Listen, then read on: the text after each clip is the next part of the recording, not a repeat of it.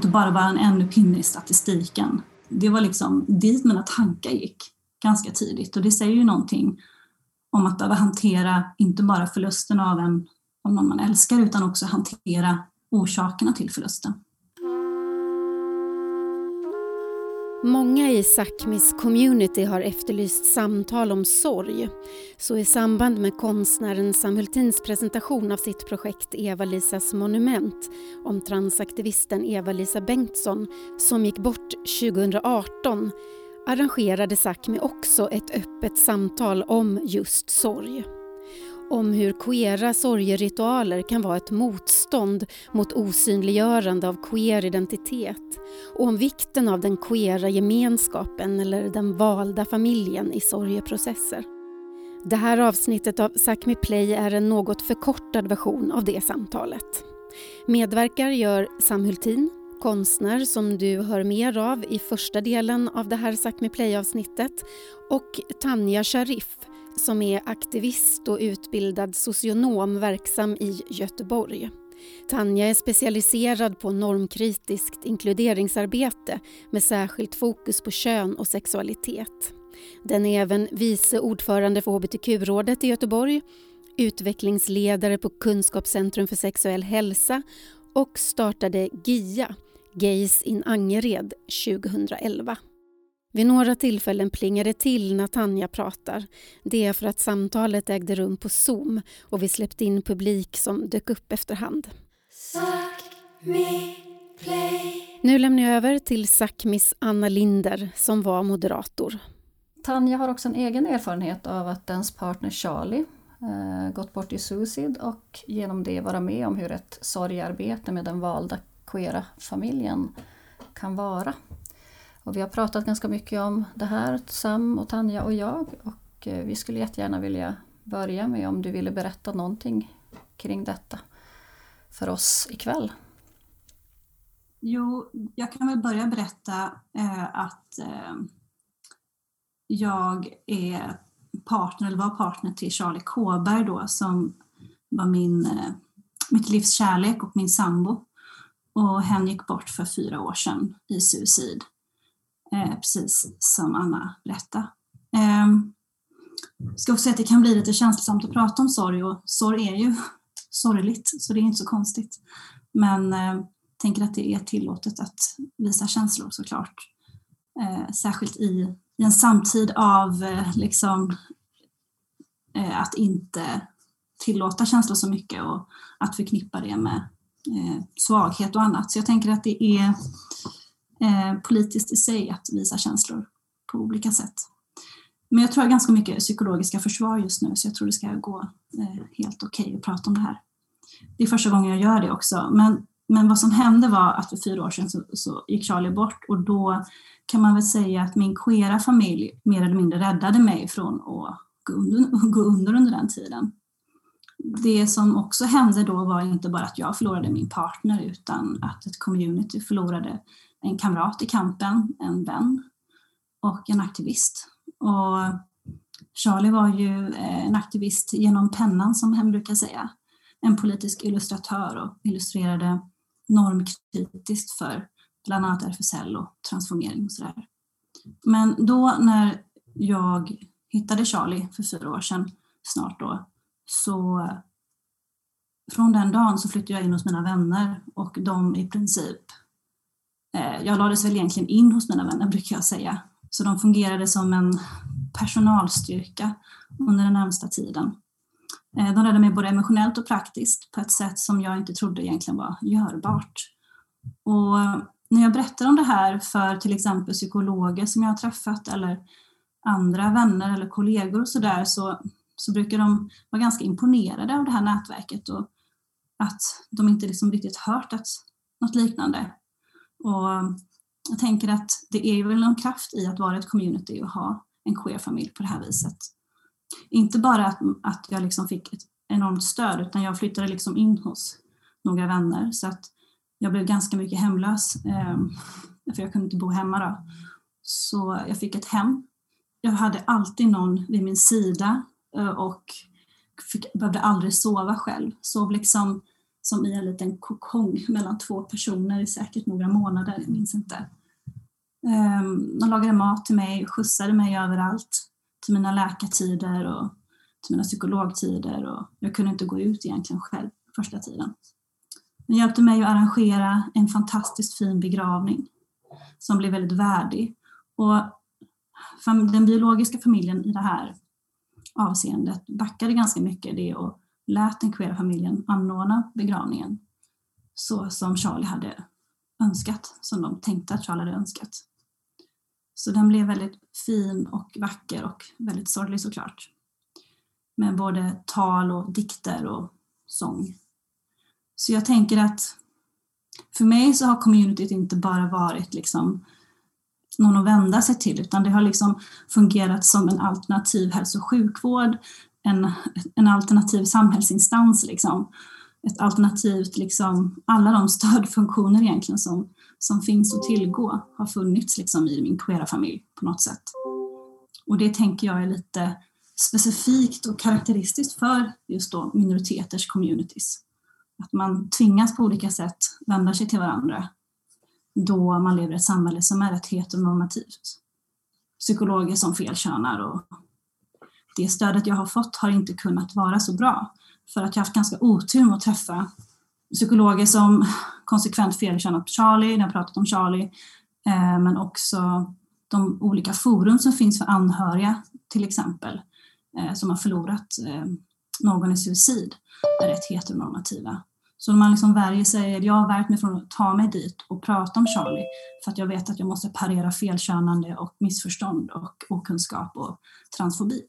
Så att det, de forumen som andra har tillgång till har inte riktigt varit trygga för mig då. Och därför har den queera familjen fyllt ännu viktigare funktion. Uh, mm, funderar på om jag ska stanna lite här. Hur känns det? Känns det bra? Ja, om du berättar om det här kollektiva sättet till exempel, hur, om man pratar lite praktiskt också, det, hur, ni, hur ni gjorde och hur ni gick tillväga för att ordna de här sakerna? Ja, jag, jag har tänkt på det här ganska mycket eftersom att saker verkligen eh, organiserades väldigt eh, eh ordentligt. Eh, jag har ju fått mycket återberättat och tittat i en pärm som de förde. Det var nämligen så att det var ett dussin personer som samlades från den dagen som Charlie gick bort. Alltså mina nära och kära som kom samman och planerade och organiserade hur de skulle finnas för varandra och för mig. De hade också förlorat en kär vän. Så de förde alltså, de hade scheman och förde anteckningar och journalförde mitt mående och vad som behövdes göras praktiskt. Och, ja, det var väldigt imponerande att läsa i efterhand. Jag var ju lite i töcken då men eh, fått mycket återberättat. Eh, saker jag också sagt och sådär som jag inte minns. Men, men eh, det var väldigt organiserat och de hade också en egen stödgrupp där de träffades utan mig för att kunna prata om sin egen sorg med varandra. Så det var väldigt liksom genomtänkt, eh, trots att de också var väldigt mycket i sorg. Så tror jag att de vilade i just den där liksom kollektiva vaggan som man ju Eh, jag minns också att jag var ju aldrig själv. Jag hade alltid en, minst en person vid min sida. Flyttade först in hos ett par vänner och bodde där några månader och sen flyttade jag in eh, hos några andra vänner och då liksom fick ett eget rum där. Men i några månader så sov jag liksom nästan aldrig själv. Bara en sån sak, att öppna upp sitt hem och alltid bo ihop och sova i någons säng. Det, när jag berättar om det så brukar folk tänka oj, det brukar man inte det brukar vara så obekvämt det där. Att folk kan finnas för varandra men där går gränsen någonstans. Sova i min säng, där... Så. Men där sov jag liksom emellan folk, liksom. mellan paret så att säga. Så. um, och de hjälpte mig att ta mina mediciner och ja, jag tänker att det var... Eh, de fick väl också kraft av varandra att göra det här. Så, så det blev... Eh, ja, det var väldigt, väldigt fint. Och jag tänker att jag har ju kvar den där lilla pärmen liksom, som de har fört anteckningar i. Så eh, mm, de bokade upp sig på pass och jag minns första kvarten som jag var ensam och det var, det var lång tid därefter. Liksom. Så eh, en sån uppslutning är rätt ovanlig tror jag. men, men, men finns och görs. Man ska säga. Jag tänker att min, queer, min biologiska familj var, är också viktig för mig nämligen.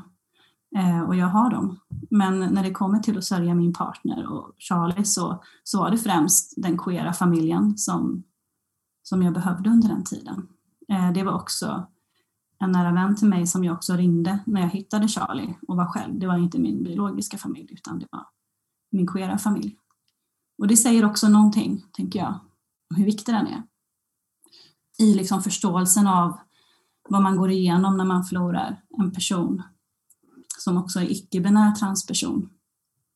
Eh, och jag tänker liksom när hela samhället egentligen är oförstående vid sorg och när allting är så extra känsligt när man har förlorat någon så behöver man sin queera familj på ett helt annat sätt.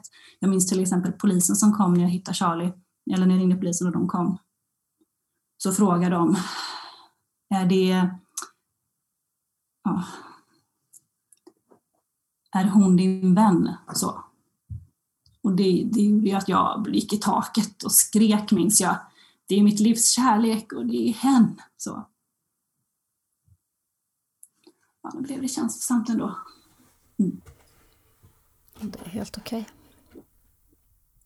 Då var det väldigt tryggt att min kompis kom som vet precis vem hen är och också kunde hjälpa mig i det samtalet och egentligen åka därifrån då. Mm. Så ja, den queera familjen är liksom ens hjältar i sådana här tillfällen.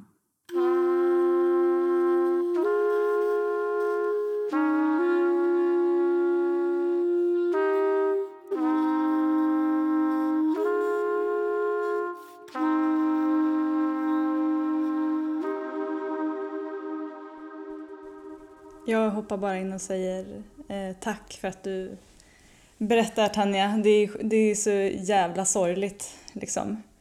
Men jag, jag, tycker också att det känns så himla viktigt att eh, vi gör plats för, eh, för de här berättelserna och från, eh, för den här sorgen. Och vi har ju pratat innan om liksom hur, eh, ja, men hur det här med, med sorg, sorgebearbetning det, att det inte handlar om att liksom bli, eh, typ ta bort sorgen eller typ inte vara ledsen längre.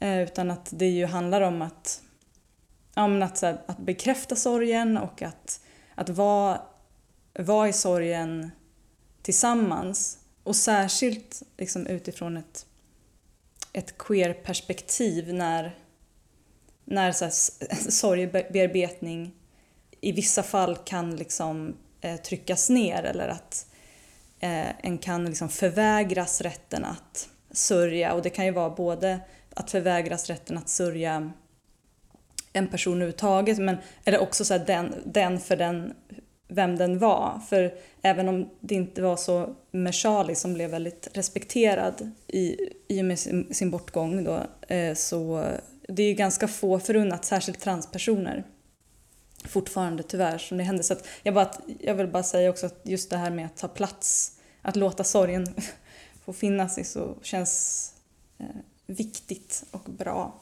och, mm. så, och sorgligt. Jag minns liksom att jag fick höra att jag i efterhand sa Charlie får inte bara vara en ännu pinne i statistiken, något sånt där. Och jag tänker att det var liksom dit mina tankar gick ganska tidigt och det säger ju någonting om att behöva hantera inte bara förlusten av en av någon man älskar utan också hantera orsakerna till förlusten. Och vi vet ju att vi lever i ett våldsamt samhälle som indirekt tar människors liv genom långsamma normaliseringsprocesser av, och institutionaliserat våld och direkt våld. Liksom. Så att det finns en extra ilska eh, människor går bort Ehm, som jag tänker att den queera familjen kan förstå på ett helt annat sätt än vad till exempel min biofamilj kanske skulle förstå sådär. Jag vill också, jag, jag vet inte, jag känner att jag behöver också understryka i, i liksom det här arbetet med Eva-Lisas projekt eh, Även om eh, Eva-Lisa dog när hon var gammal, när hon skulle dö och Charlie dog alldeles, alldeles, alldeles för tidigt. Så det är liksom olika saker men jag vill ändå bara liksom understryka hur otroligt viktigt Eva-Lisas queera nätverk var. eh, liksom i den här processen och att nu är det jag som sitter och pratar om det här projektet men det har varit otroligt många som har hjälpt mig, alltså super, super mycket med, med allting. Dels liksom den här minnesstunden som bara kändes så super, super viktig och hur många som kom och liksom engagerade sig i den och till att liksom folk har åkt och hämtat det här arkivet och kört och tagit hand om hårddiskar och suttit och typ förstått liksom, eh, hur man ska få ut information. Så att det, liksom, det, har, det har varit en otroligt fin uppslutning. Och just nu har ju jag jobbat med det här, dels som en person som kände Eva-Lisa men också som ett, inom en konstkontext på ett sätt eftersom jag är konstnär. Men det har också typ möjliggjort många av de här mötena i ett community när jag har haft stadsvandringar att folk har liksom kommit och att det alltid blivit som en så här samtalsstund efteråt och folk som bara ah, ja men jag träffade henne på 90-talet typ. Och då, ja men alltså ni vet de samtalen som man kanske har på en begravning de har skett i det här liksom arbetet med communityt vilket har varit väldigt fint. Och ja, det är också bara väldigt fint att höra eh, om Charlies eh, liksom valda familj och hur, hur man bara direkt liksom eh, även om det är sorgligt. Ja, men det är ju fantastiskt att vi kan vara så eh, kollektivistiska och, organ, och, och, grupporienterade i en väldigt individualiserad och kapitalistisk värld. Liksom. Jag tänker på det här fenomenet att, att människor går samman i kriser, ni vet. Naturkatastrofer, krig gör att människor vänder sig till varandra. Och Eh, man litar inte på staten, man vänder sig till varandra, man tittar, runt, man tittar globalt. Liksom. Men det är också någonting som minoritetsgrupper har gemensamt, att vi lever under ständigt hot om våld. Vilket också leder till att vi ständigt behöver liksom vända oss till varandra, även om vi lever i ett, ett iland, eller vad man ska säga, eller har en strukturerad välfärd, så, så vänder vi oss ändå till varandra och kan inte använda de stödfunktioner som finns i samhället, som många kan åtnjuta. Liksom.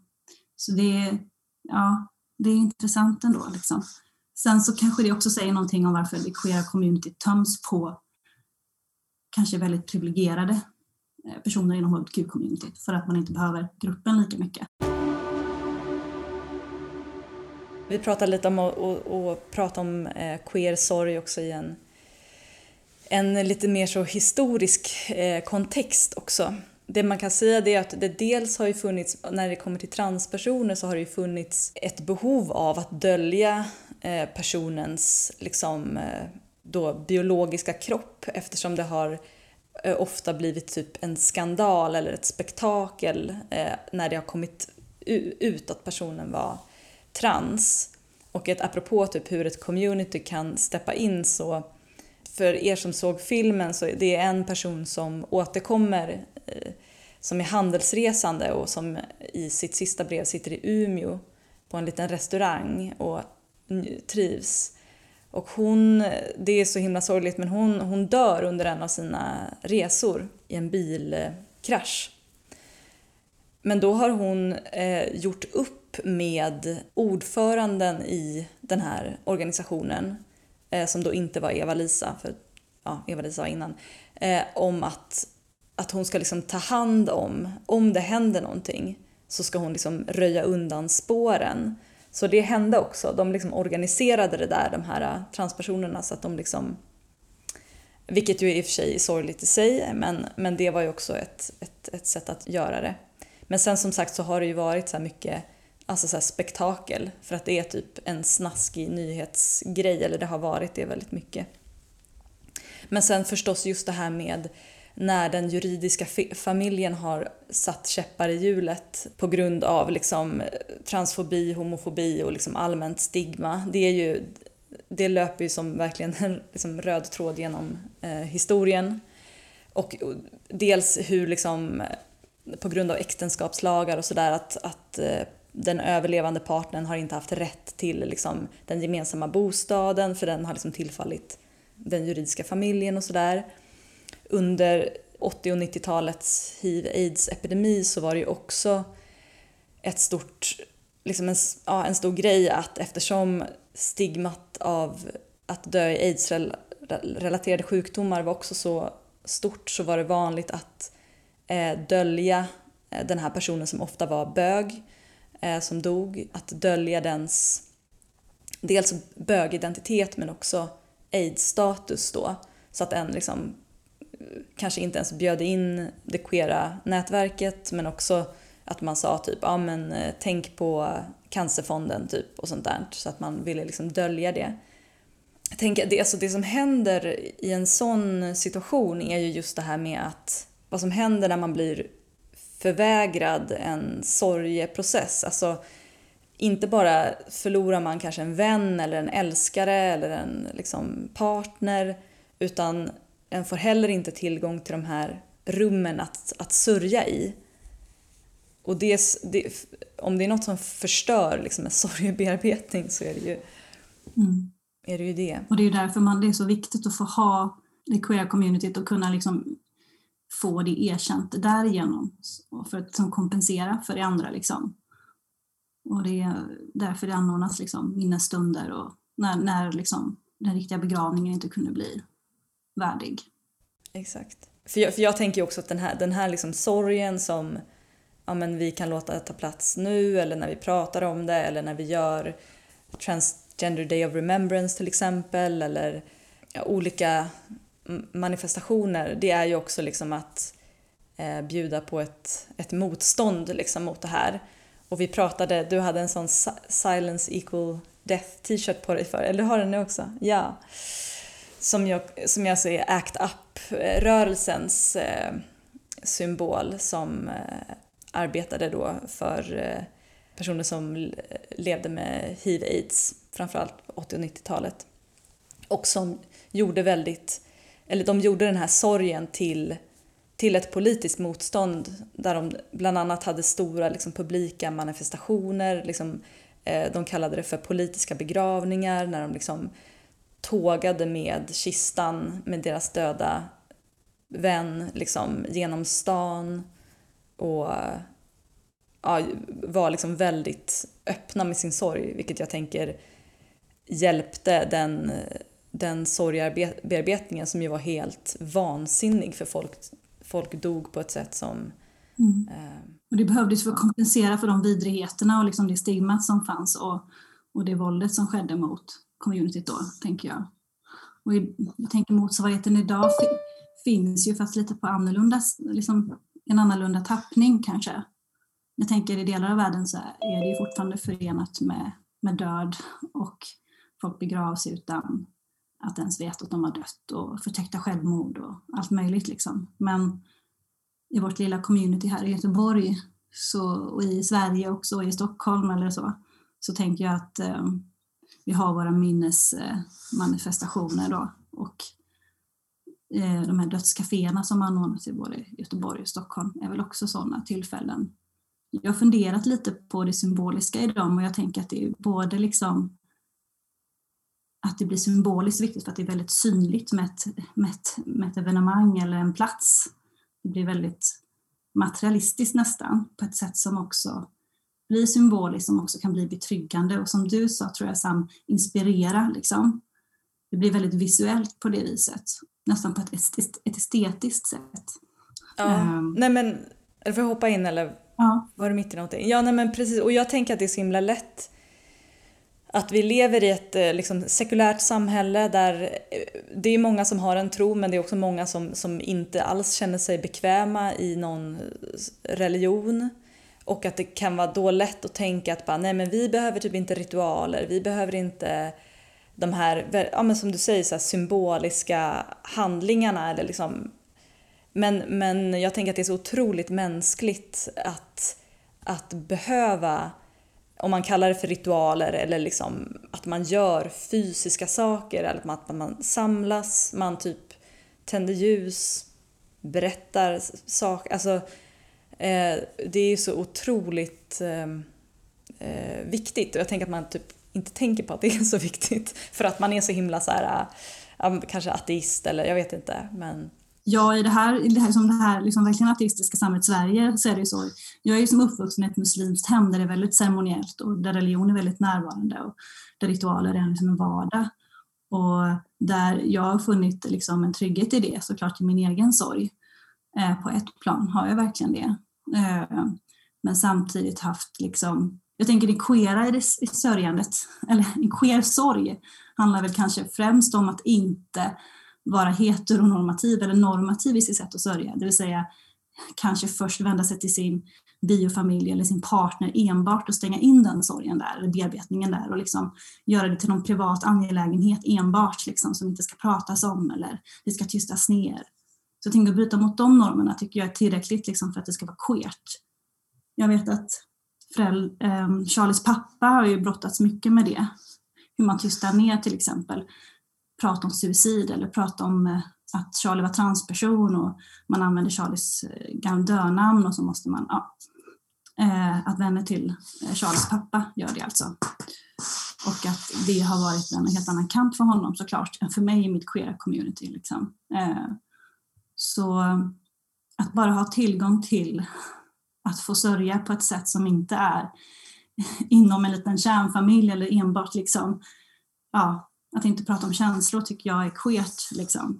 Och sen är det bara fantastiskt vackert att få göra det mer ritualmässigt kanske med dödscaféet till exempel. Där man också utsmyckas och där det är vackert. Liksom. Jag tänker på den mexikanska högtiden eh, Dia de Muerto som också är en sån dag som man varje, dag, eller varje år uppmärksammar de döda genom att ge liv till de döda eller det är liksom att man väntar på dem som har gått bort för de besöker den en dag om året och då dukar man fram deras favoritmat och deras favoritsaker och, och så. Globalt sett så är det, finns det jättemånga ceremonier och högtider, eller vad man säga, ceremoniella traditioner kring sorg. Och också där just där eh, också livet på ett sätt står i, står i centrum på något sätt, alltså som, som i den högtiden. Eller också typ, jag tänker också på de här ja, men då under hiv-aids-epidemin att det var också många som eh, arrangerade ja, bögbegravningar kallade Janne Berggren som var en av de första eh, hiv-aids-aktivisterna att, att gå bort då av aids-relaterade sjukdomar. Eh, han sa att jag vill ha en bögbegravning. Och det här hände flera gånger, att man liksom i den här absurda världen, att man bara, nej men nu jävlar, nu slår vi liksom på stora kitschtrumman och ja, tar in, jag vet inte, eh, duvor eller det var någon som hölls på en teater och att man liksom verkligen så här, eh, ja, men gjorde det till en grej. Efter, precis just därför att det inte hade tillåtits att, att vara en grej. Jag bara, jag bara tänkte på det när du sa att du är uppvuxen i en, en, en, tro, eh, liksom en muslimsk familj. Där liksom, jag är uppvuxen i en så väldigt eh, extremt ateistisk familj där det har varit så här, eh, att man inte ska liksom lita på överheten eh, på något sätt. Eh, så att jag har, jag bara, jag blev konstnär kan jag nästan känna, men för att typ nästan få tillgång till att så här, eh, ja men vi, vi, behöver andra, vi behöver andra rum att typ få tänka på existentiella frågor eller vi behöver typ rum att mötas i som inte är typ att jobba och att eh, konsumera typ. Vi lever ju i en samtid där vi, jag tycker mig i alla fall i min lilla värld, att väldigt många har förlorat folk i alldeles för tidig ålder av helt galna skäl som psykisk ohälsa och som, som resultat av transfobi och skit i samhället. Liksom. Men också, eh, jag tänker också att det gör oss väldigt existentiella på ett sätt. Och det är inte, jag tänker också att det leder till att väldigt många tänk, alltså, tänker på astrologi som liksom den queera religionen. Eller, um, inte mig själv. Som man liksom någonstans tycker är härlig och rolig och liksom alla har sitt stjärntecken och solen och planeterna och det är liksom det lindar in oss i någon trygg liksom eh, varm filt. Eller jag vet inte. Suck me, suck me, play. Det är väldigt väldigt, väldigt tydligt eh, att, jag, att mitt sätt att sörja på skiljer sig från andras. I den muslimska traditionen så sitter man och läser i Koranen tillsammans, man samlas liksom och läser tillsammans. Och, eh, man visar sina känslor och man gråter och det hör till liksom på ett sätt som är ganska normaliserat och så. Jag tänker att det hör varit en, en väldigt, för mig i alla fall så har det varit en sån dubbelhet hela tiden. För att å ena sidan så säger min psykolog att det är jättebra att, du har tillgång till ditt känsloliv för att det är det som räddar dig ur detta. Liksom. Eh, men det är väldigt få rum där man får visa känslor i det här samhället. Och det förknippas också med att inte vara professionell om man visar det på jobbet till exempel, om man visar det vid fel tillfälle. Så man ska gärna visa känslor när det är socialt accepterat eh, med en psykolog kanske, eller med någon nära. Så. Men när Charlie gick bort så grät vi i grupp liksom, och kramades i grupp. Och det tänker jag varit så läkande. Jag, jag vet att jag minns att jag vid flera tillfällen kunde sitta och titta på personerna i rummet så här och bara läka av att bara se alla i rummet visa känslor. Och att det finns också en bild av att den som är den mest sörjande ska få visa känslor och alla andra ska stötta och lyssna. Och så ska man liksom visa inte ta hand om och du får, men inte jag. Medan jag tyckte tvärtom att det varit väldigt läkande när andra kunde visa, vi kunde gråta tillsammans. Och det tänker jag är väldigt, eh, ja det är extremt läkande.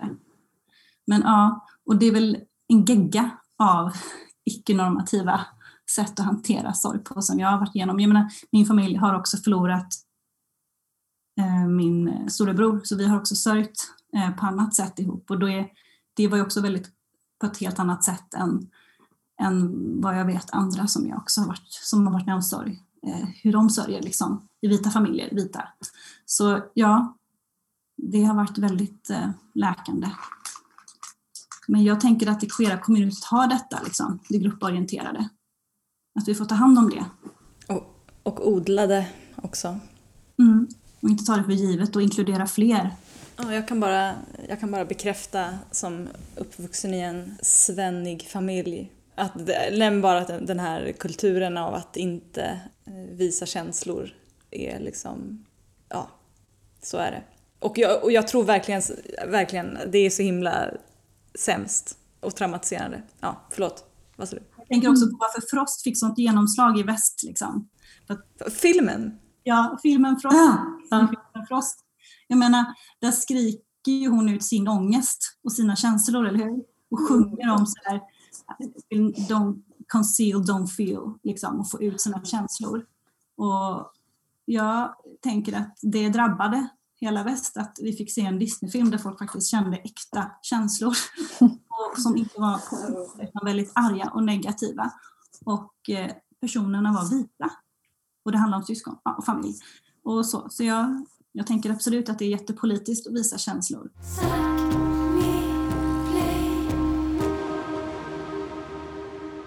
Jag tänker på, på när familjen stökar. Och eh, så tänkte jag om jag skulle bara berätta berätta om det här, den här personen som heter Louise Berntsson. Och jag, det kan vara att fler personer vet, som är med här vet vem hon är, eller var. Hon gick bort när hon var 24 och jag tror det var i år. Och hon var transaktivist och var med i RFSL i flera år. Och hon kom till mig när hon var 16 år, när jag jobbade på Grisen Angered, GIA, eh, GIA för, ja, nu är det många år sedan. Eh, och då hade hon precis flytt från sin familj Eh, hon var uppvuxen i Jönköping och hennes familj var en fundamentalistisk liksom kristen Livets ordfamilj. Så hon levde i en ganska stark hederskontext och kom till Göteborg och behövde liksom en fristad. Nu när hon har gått bort i en hjärtinfarkt, så inte av vad vi vet, något annat, liksom suicid eller, ohäl eller ohälsa eller något sånt, utan mer en olycka, liksom, eller olyckligt att hon gick bort så, så ungt. Liksom så har eh, det liksom blivit en tvist mellan den queera familjen och hennes eh, biologiska familj, hennes juridiska familj. Det var faktiskt eh, så att Salgrenska skrev in henne, skrev in den queera familjen som hennes riktiga familj eh, till en början och de fick liksom vara de som tog kontakt med den juridiska familjen. Och det var efter att den queera familjen beskrev liksom hennes bakgrund och uppväxt och vart hon var och att hon hade liksom tagit avstånd från sin familj. Och det spelade nog också in då att det var just Livets Ord som var den kristna falangen som de tillhörde. Man ska säga. Så vad som har hänt är att de tog det till rätten och hon är alltså inte begravd än. Och för att man liksom inte har helt enkelt beslutat om hur hon ska bli begravd. Så vad som har hänt är att den biologiska familjen vill då begrava henne med sitt dödnamn utan den queera familjen. Medan den queera familjen vill begrava med hennes riktiga namn och ha, öppet, ha det öppet för alla. Och då har alltså kyrkogårdsförvaltningen och länsrätten gett den queera familjen rätt i detta. Så hon ska alltså egentligen då få bli begravd med sitt riktiga namn. Men nu har då den biologiska familjen den har överklagat till förvaltningsrättens domstol och nu väntar man på beslut därifrån. Så blir det nu så att den biologisk eller den queera familjen får rätt så kan ju detta bli prejudicerande. Det vill säga att den juridiska familjen inte har de, den rätten att bestämma över hur någon ska bli begravd när det är strider mot någons liksom, mänskliga rättigheter, om man ska säga. Så det tycker jag är ett väldigt positivt exempel på hur det kan gå i Sverige idag. Så det här är ju nutid, så vi vet ju inte hur det kommer bli, men det tänker jag ändå bådar gott liksom för framtiden. Att man kan ge den queera familjen så mycket rätt.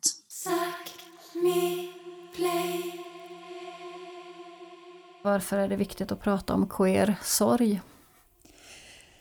Alltså, jag kan börja. Eh, alltså jag tänker bara att det är viktigt att, som vi har pratat om båda två i det här samtalet, att det är viktigt att se att eh, queera personer och särskilt eh, förstås personer som, eller som är sårbara på andra sätt, till exempel att, att tillhöra en, en fundamentalistisk kyrka, att eh, sådana personer är extra sårbara och att det det är viktigt att prata om det, att, att, att, att sor, sorgeprocesser skiljer sig och att när det här händer, eh, när folk inte behandlas eh, med respekt efter sin död så skapar det eh, trauman i, eh, bland eh, den personens vänner. Och jag tänker att alla som lyssnar på det här samtalet har har haft eller har sorg i sitt liv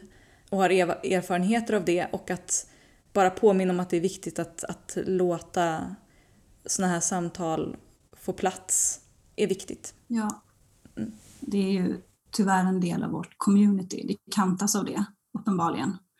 Och vi har dessutom en dag där vi ska uppmärksamma alla som har blivit mördade till följd av transfobi.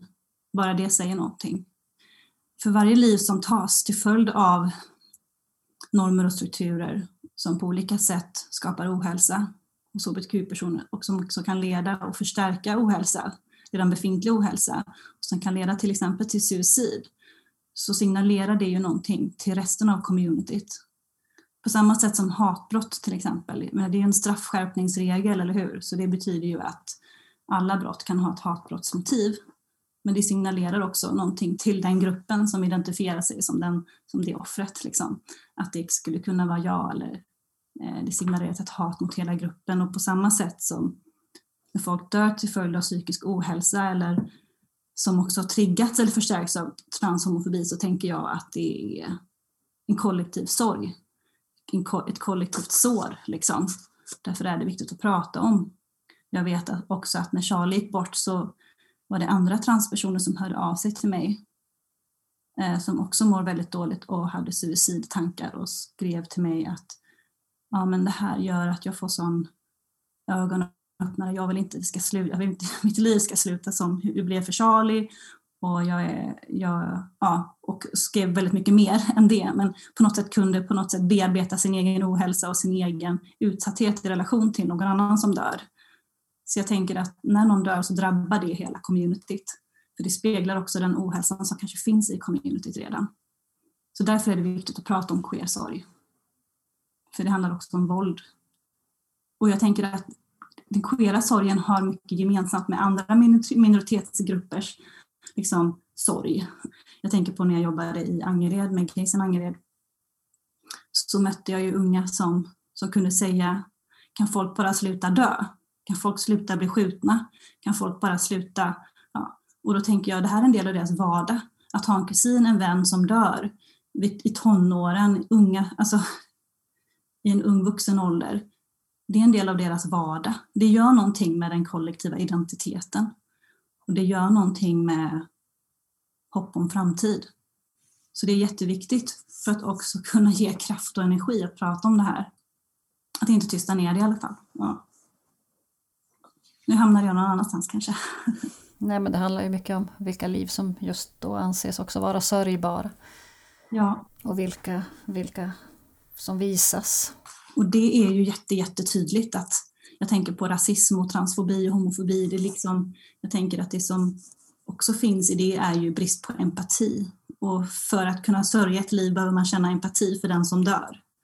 Och vi har insocialiserats att inte värdera vissa liv lika högt.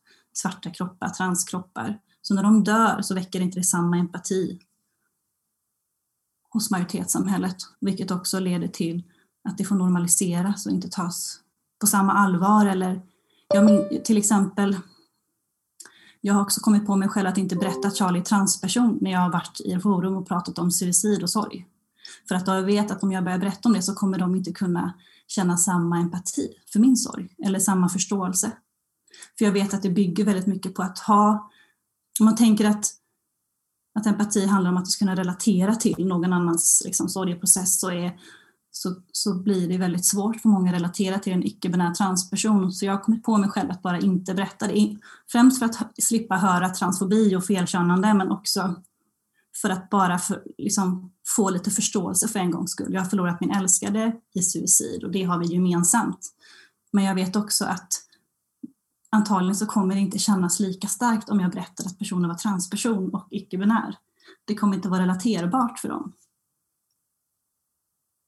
Och då blir det också lite mindre värt. Och det är så vi ser, jag tänker också på hur man skildrar, vi, jag vet inte om vi pratar om det, men liksom hur media också porträtterar döda kroppar liksom, och vilka kroppar som man får se väldigt mycket.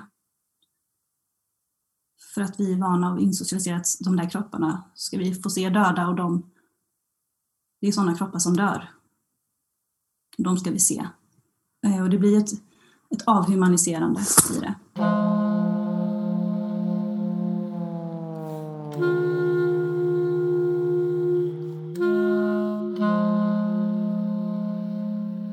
Man vill ju minnas en person, man vill prata om, om en person och man vill att eh, alla ska få veta vilken fantastisk person någon var till exempel. Och jag tänker att det handlar om att det, man har väl man axlar ett ganska stort ansvar där att porträttera och beskriva en person som har gått bort på, på det mest respektfulla sättet man kan.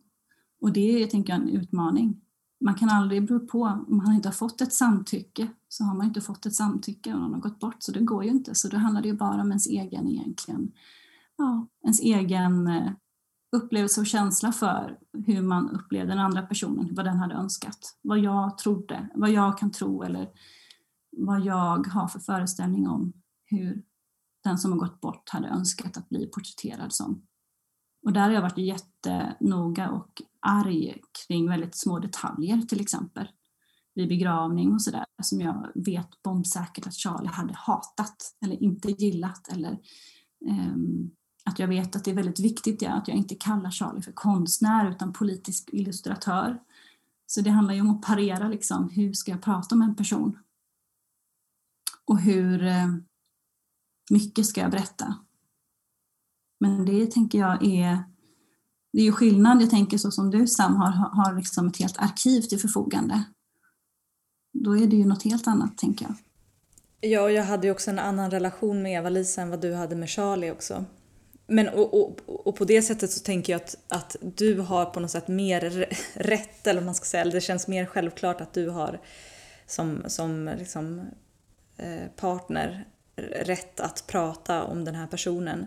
Jag har, eh, jag har tänkt så här, eller det är, det är supersvårt, det är jättemycket etiska liksom snåriga grejer med det här arkivet. Alltså det är liksom så mycket saker man kan göra fel och jag har, bara, jag har tänkt att jag får bara gå efter min, som du säger också Tanja, min liksom etiska kompass och väga saker som jag inte har lyft fram men som jag ändå har, jag ska också säga det att det här arkivet är också i olika delar på väg till Kurab som är världens bästa arkiv som ligger i Göteborg som eh, bevarar eh, queert material. Men att liksom hur, hur, vad lyfter jag fram? Eh, hur, eh, och vad lyfter jag inte fram? Men jag har tänkt, eller, dels hur hon har pratat med mig och hur liksom extremt viktigt det var för henne att berätta den här historien. Också hur hon har sparat det här materialet. Jag har så svårt att tänka mig att hon ville eh, att det skulle försvinna. Och på det sättet hon har liksom, så har jag, jag har bara tolkat det som hon vill att, att den här historien ska, ska spridas på något sätt. Och sen har jag bara försökt att vara så respektfull jag kan och väga det mot liksom, den här historien är så viktig liksom, att berätta. Men det, det är klart, det är, det är jättesvårt. Ja, jag brukar oftast prata om min egen erfarenhet av att leva med Charlie eller sörja Charlie. Snarare än att prata väldigt mycket om Charlie och vad Charlie gjorde och tyckte och sa. Eh, men ibland så gör man det också såklart. Men i sådana här sammanhang så blir det någonting annat. Ska vi tacka för kvällen och tacka alla som har varit med oss. Det har varit otroligt fint att se alla som har varit med i det här rummet ikväll. Är det någonting ni vill säga, Sam och Tanja? Eh, jag skulle bara vilja, jag skulle bara vilja tacka för ett fint samtal. Att jag fick prata med dig Tanja. Nu ser jag plötsligt chatten, jag har inte sett den innan. Så tack så mycket för alla fina ord och eh, tack till Malin och Anna och alla. Jag vill också då såklart tacka för hela det här fina programmet och, och få avsluta och få prata med dig Sam. Jag är väldigt glad att få, få berätta om det här på det här viset och att det har tagits emot så varmt och fint. Och att eh, uppmana andra till att faktiskt dela sin sorg och att eh, det, ta plats i det, för det är ändå viktigt och politiskt på massa sätt. Det, är det något man inte ska tysta ner liksom, så är det ju när personer i communityt går bort och en sorgeprocess. Liksom. Det är, ja. Så tack för platsen och utrymmet. Och också kanske uppmana eh, alla queers att eh, hänga med varandra även om det är svårt och att eh, också veta att eh, sådana här pandemier också eh, får folk att bli isolerade och också må dåligt. Så tänk på att ta hand om er själva och varandra och ja, bara ville säga det. Jättebra avslut tyckte jag. Tack för det Sam.